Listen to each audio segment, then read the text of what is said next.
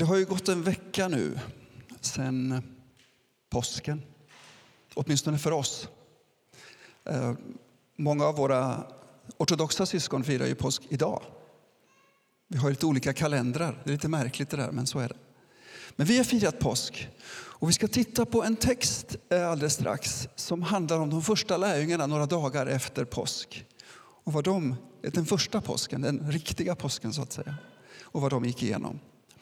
Ehm, I veckan som gick så var jag på en körövning. Jag, jag, sen, sen nyår så jobbar jag heltid för en, en, kristen organisation. Och fram till nyår så jobbar jag halvtid här i församlingen som pass, en av pastorerna och halvtid för en, en kristen missionsorganisation. Så jag jobbar med kristna hela tiden.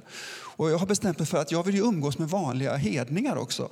Ehm, så man, ja, så man får lite liksom, reality check och lite, lite vara in touch med, med med det de står i. Så jag sjunger i en kör eh, utanför kyrkan. Ni får eh, avskeda mig sen, men så är det. Eh, och där så skulle jag skoja till det lite. Det var en av, en av gubbarna i kören som frågade mig, ja, hur, hur var det i påsk då? Ja, det var en väldig uppståndelse, sa jag. Han bara, jaha, hur var då? Vad menar du? Liksom. Bara, vi rör oss, vi har så olika referensramar. Mitt skämt föll pladask. Liksom. En del av er kommer om några minuter att förstå vad som var roligt med det där. Men, ja. Dagens text, Matteus 28, vers 16 20. De elva lärjungarna begav sig till Galileen, till det berg dit Jesus hade befallt dem att gå. När de fick se honom där föll de ner och hyllade honom, men några tvivlade. Då gick Jesus fram till dem och talade till dem. Åt mig har getts all makt i himlen och på jorden. Gå därför ut och gör alla folk till lärjungar. Döp dem i Faderns och Sonens och den heliga Andes namn och lär dem att hålla alla de bud jag har gett er. Och jag är med er alla dagar till tidens slut. Där står de nu, de där lärjungarna, några dagar efter påsken.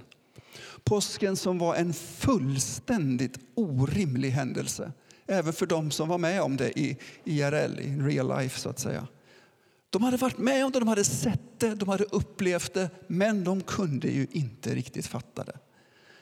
Det var en händelse som N.T. Wright säger slog isär världen fullständigt och sen satte ihop den igen på ett helt nytt sätt. Vi ska vandra igenom den här ganska kompakta texten och stanna till för ett par saker bara. De elva lärjungarna står det. Det är så mycket smärta i den siffran. Vi bara läser och liksom, jaha. De hade ju varit tolv. De hade varit tolv i flera år och nu var de elva. Det finns så mycket förräderi, så mycket svek, så mycket död, så mycket besvikelse, smärta och fruktan i den siffran bara. Ta med den känslan in i resten av texten.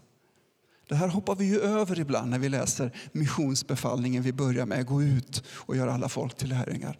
Vi backar två verser och vi ser de var elva och det finns så mycket smärta i den situationen. Så står det de hyllade honom. De fick se honom, de föll ner och hyllade honom. Men några tvivlade. Alltså, känn den spänningen i den här situationen. Känn blandningen av tro och tvivel. De har sett Jesus, de har vandrat med Jesus, de har umgåtts med Jesus. Han har sagt att han ska dö och uppstå. De har inte fattat någonting. De såg honom bli arresterad, torterad, korsfäst och nu står han där fysiskt.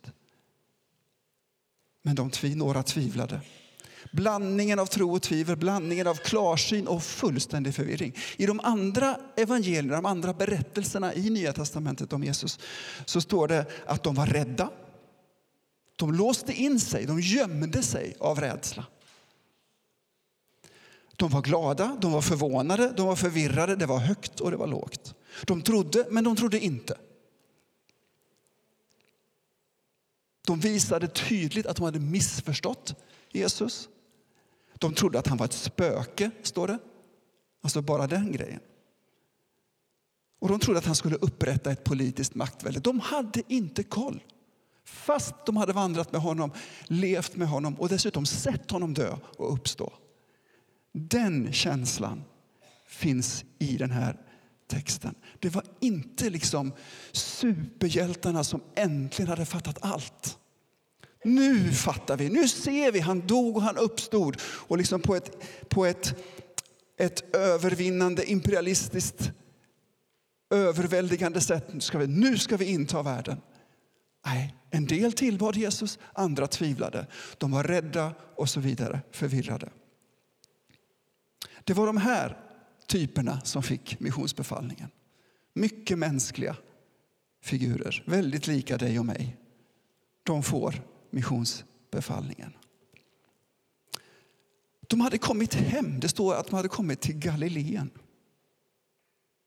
Tillbaka där allting började, ungefär tre år tidigare. Det är en intressant anmärkning där i texten. De har kommit hem där allt började. De påminns. Jag tror att Jesus på det här sättet påminner dem om hur det var för tre år sedan när han första gången såg dem och kallade dem att följa honom så att han skulle kunna sända ut dem. Mission, som är latin och betyder på ren svenska sändande, det är det som är textens tema, bottnar i och hör ihop med den första kallelsen, nämligen den att följa Jesus. Det sitter ihop. Det är inte någonting som har lagts till senare när man är färdig. De påminns om det här därför att de är på hemmaplan nu, där allt började. Jag ska visa en bild eh, som illustrerar det här lite grann. Den är inte så häftig som Antons kameler för några eh, veckor sedan. Men det är ändå en bild som illustrerar, och vi ska inte gå igenom den här för det här kan man ju hålla på med en hel vecka. Men det här illustrerar hur det här sitter ihop. Det är som ett mänskligt hjärta. Vi är kallade att följa Jesus, att vara med Jesus, att älska Gud. Och vill man använda fikonspråk så kan man säga att det här är den kontemplativa sidan av vårt liv. Vi är kallade att se Gud i vardagen, i festen. Men det går inte att skilja åt från den andra sidan av våra lärjungaliv där Jesus säger kom och följ mig så ska jag göra er till människofiskare. Var med mig så ska jag sända ut er. Älska Gud och din nästa. Det missionella livet, livet för andra. Att nå ut, att, att vara sänd till andra.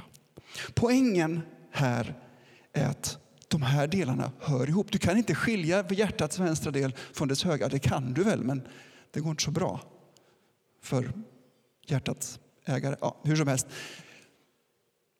Den ena delen av hjärtat syresätter blodet, den andra delen ser till att det kommer hela kroppen till del. På samma sätt som de här sakerna som Jesus har sagt så sitter det ihop. Det kontemplativa livet med Jesus, att se honom och utflödet till andra. Skilj det aldrig åt. Det är för alla lärjungar.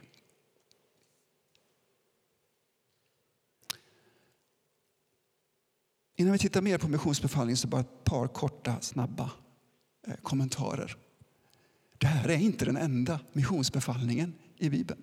Det finns fem texter i Nya testamentet som innehåller det här som vi just läste ur Matteus 28.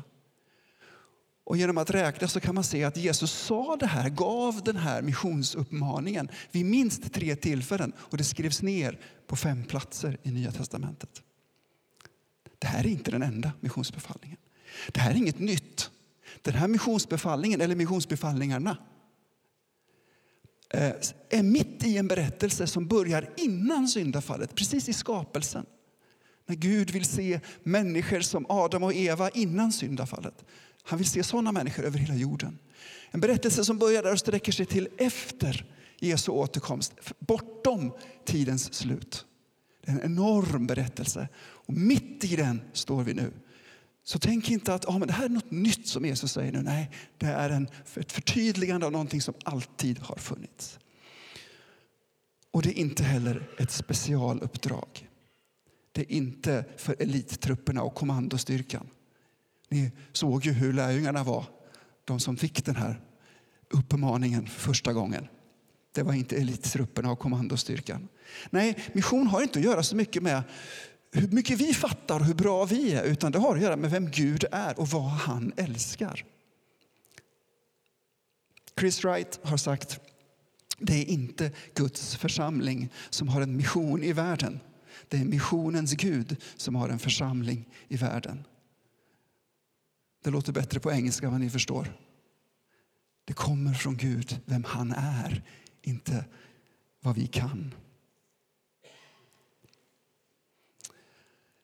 Sen går Jesus fram till de här lite vimsiga och mänskliga lärjungarna och så säger han att mig är given all makt i himlen och på jorden. Igen då, som jag precis sa, mission utgår ifrån vem Gud är och vem Jesus är. Mig är given all makt, gå därför ut. Orsaken till den här utmaningen, uppmaningen, är vem Jesus är. På grund av att Jesus alldeles nyss på påskdagen har krönts till kung över hela universum så ska vi, hans vimsiga, förvirrade lärjungar, gå ut och göra lärjungar av alla folk. Är ni med? Det hänger inte på dig och mig. Det hänger på vem Gud är och vad Jesus just har gjort. Hallå? Ja, jag tycker det här är jätteskönt. Det är så lätt att mission och missionsutmaningen blir liksom kravfyllt och krampaktigt och vi måste lägga på. Vi måste, oj, oj, oj, oj. Så kan det vara. Men det kommer inte därifrån. Det börjar inte med dig och mig. Det börjar med vem Jesus är. Han har all makt. Därför ska vi gå ut. Hur mycket eller lite vi än har fattat, hur mycket vi än tror om oss själva eller inte, det handlar inte om det. Jesus har krönts till kung över allt från kvarkar till kvasarer och därför ska vi gå ut. Här måste vi göra en viktig liten parentes dock. På riktigt Magnus, har Jesus all makt i himlen och på jorden. Se dig omkring. Titta på nyheterna. Det är en väldigt rimlig, ett rimligt påpekande, en rimlig fråga som vi inte ska smita förbi. Men vi ska inte ägna flera timmar åt det nu. Jag vill bara ge det korta svaret. Hur kröntes Jesus som konung över hela universum? Med vapenmakt eller änglaherrar? Nej. Genom att ödmjuka sig, genom att tjäna, genom att lida, genom att dö. Så kröntes Jesus som konung över hela universum. Och det är samma sätt på vilket vi tar det väldet ut över hela jorden genom att vara ödmjuka, genom att tjäna, genom att vara redo att lida och till och med om det skulle behövas ge våra liv. Samma sätt som Jesus blev kung så för vi ut hans rike. Det sker inte med vapenmakt, det sker inte med, med, med styrka utan genom Guds ande i vanliga människor som älskar och tjänar. Och på plats efter plats efter plats byggs Guds rike.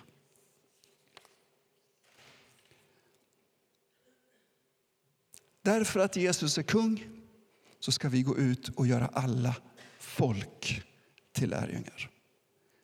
Alla folk. Det är så bra för oss att påminnas om det här ibland. Det händer ju så mycket. För ett år sedan när jag, när jag talade om mission så visade jag statistik över hur enormt evangeliet går framåt. I fredags när Maria och jag pratade med ungdomarna här i församlingen så berättade jag att en av våra samarbetspartners i Indien, en av alla våra samarbetspartners, 2016 eller 17 har jag glömt nu, startade 800 församlingar i Indien. Alltså det händer så mycket, det, det, det, det växer på alla möjliga sätt. Och det är jättebra och det ska vi vara tacksamma för. Och samtidigt har ju Jesus sagt alla folk. Nära och fjärran. Både och. Både våra arbetskamrater, familjemedlemmar, flyktingar och EU-migranter och alla de folkslag som ännu inte hört nyheterna om Jesus där de är eller som inte har berörts av flyktingströmmarna och kommit inom hörhåll för evangeliet. Det är ungefär 40 procent av alla folkgrupper på jorden som ännu inte har hört evangelium. Så det finns kvar att göra. Vi är inte färdiga, inte ens nästan. Det handlar inte om att se över sitt hus, om att fokusera lite närmare än långt borta. Det handlar om både och. Är ni med? Nej, vad får jag göra då? Alla folk. Nu kommer vi till den biten som jag oftast pratar om, innehållet i missionsbefallningen. Och bara för det så tänker inte jag göra det idag, bara, bara nämna det. Vad är det vi ska göra med alla folk? Jo, gör lärjungar, döp dem i Faderns och Sonens och den helige Andes namn och lär dem att hålla alla de bud jag har gett er. Det här är innehållet och på ett sätt det viktigaste. Men det här har vi hört och det här riskerar vi ibland att liksom, ja, ja, ja, det där vet jag. Så det här nämner jag bara nu. Nu har vi tittat på vilka som fick den här befallningen, varför de fick befallningen och konsekvenserna av det ska vi titta på alldeles strax. Men då bara peka ut det här, det handlar om att göra lärjungar, inget annat. Lärjungar som följer och lär sig det Mästaren gör. Dopet står det om, det handlar om församlingen, man döps in i församlingen. Gemensam efterföljelse. Och för det tredje, lär dem att hålla alla de bud jag har gett er. Lär dem att göra som Jesus har sagt. Inte fokusera på läror och kunskap och rätt tyckande och rätt kännande i första hand. Allt det där är bra, allt det där är viktigt. Det handlar om att göra som Jesus sa. Naturligtvis inte för att accepteras av Gud. Vi hamnar ju så lätt i det tankediket. Va? Oj, nu säger han att vi ska göra massa saker. Vi ska göra, vi ska lyda, lyda Jesus. Oj, oj, oj. Annars går det åt skogen. Nej, det gör det inte. Du är redan räddad, du är redan Guds barn, du är redan omsluten av Guds kärlek. Därför ska du frimodigt göra det du kan. Det är det det handlar om.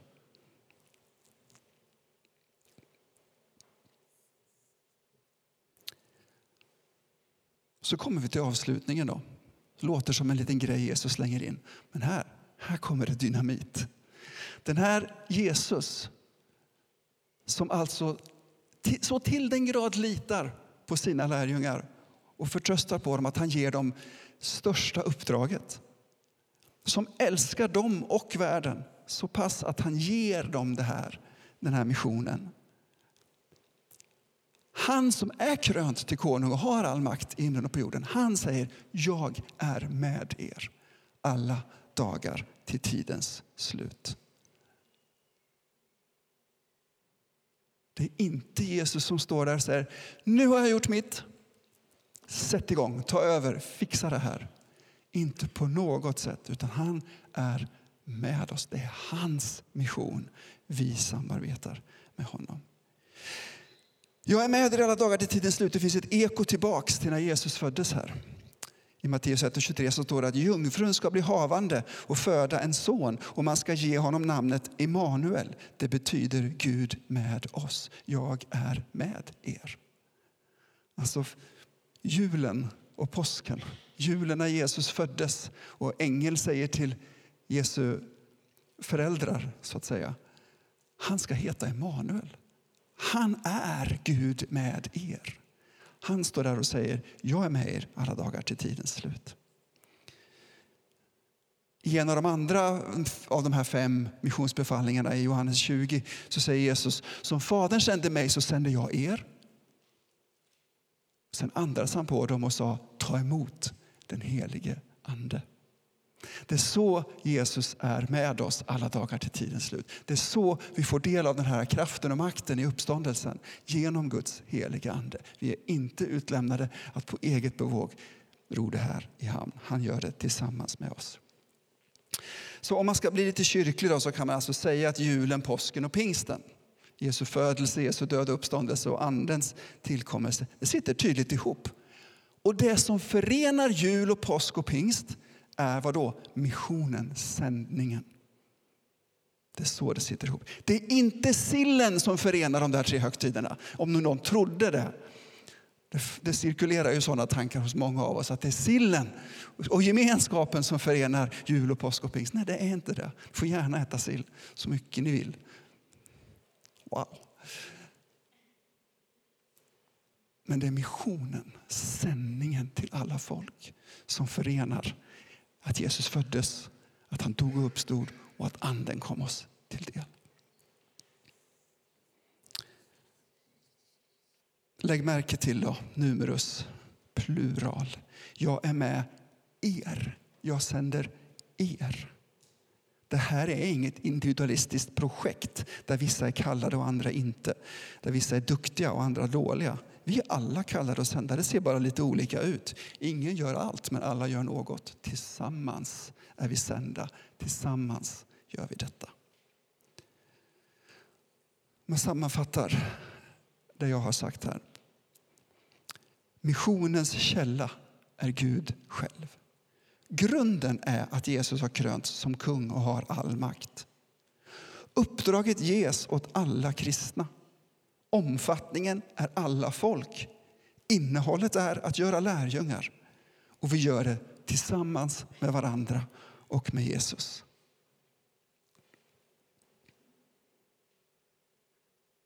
Jag vill ge dig några konkreta tillämpningar innan vi avslutar. För det första, se att du är sänd av Jesus. Hur tvivlande, hur osäker, hur förvirrad du än är.